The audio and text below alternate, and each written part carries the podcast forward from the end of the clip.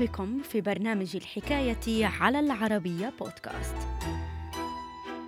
أهلا بكم في برنامج الحكاية على العربية بودكاست. سفينة فورت ستيكيني انفجرت بميناء مومباي وعلى متنها 238 طنا من المتفجرات القوية و31 صندوقا من سبائك الذهب تفاصيل الحكاية في مقال للكاتب طه عبد الناصر رمضان بعنوان هكذا أمطرت سماء الهند ذهبا وموتا عام 1944 الحكاية.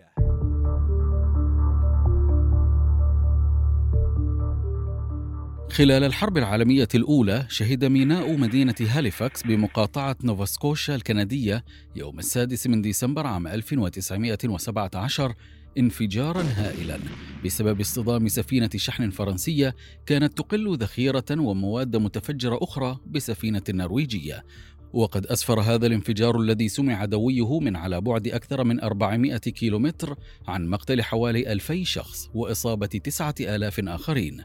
وبعد نحو 27 عاما تكرر سيناريو هذا الانفجار مرة ثانية بميناء مدينة مومباي الهندية في خضم الحرب العالمية الثانية. فخلال العام 1944 أدى انفجار السفينة البريطانية فورت ستيكيني لتخريب جانب هام من مومباي تزامنا مع سقوط عدد هائل من القتلى والجرحى. وصنعت السفينة فورت ستيكني عام 1942 بحوض بناء السفن قرب منطقة برنس روبرت بمقاطعة كولومبيا البريطانية الكندية. وعند دخولها الخدمة قدر وزن هذه السفينة بنحو 7142 طنا وبلغ طولها أكثر من 130 مترا.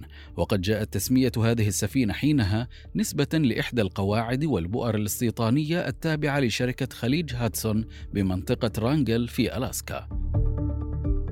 ومنذ بداية اعتمادها لصالح البريطانيين أوكلت لهذه السفينة مهام لوجستية تمثلت أساسا في عمليات نقل البضائع والعتاد العسكري.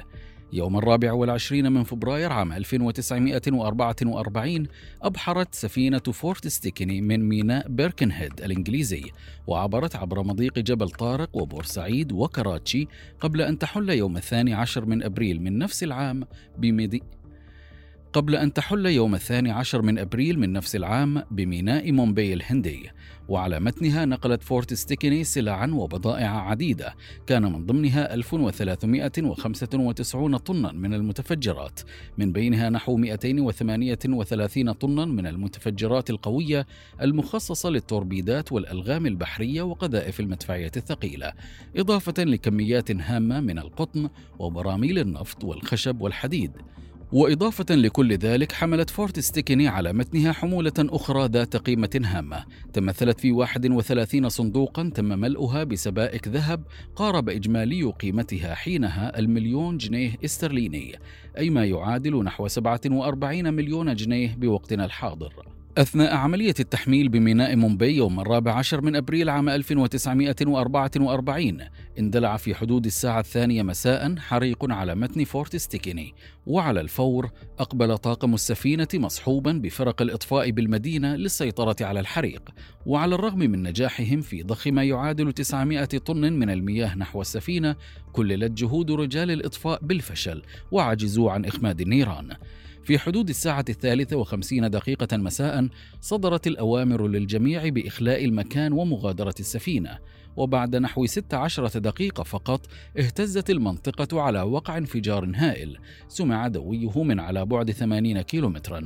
وقسم السفينة لنصفين ودمر العديد من المنازل والبنايات القريبة. وخلال هذا الانفجار تطايرت سبائك الذهب التي تواجدت على متن فورت ستيكني لتسقط إما بالبحر أو بمناطق مختلفة من مدينة مومباي تزامنا مع ظهور غيمة سوداء كبيرة فوق المنطقة بسبب احتراق القطن.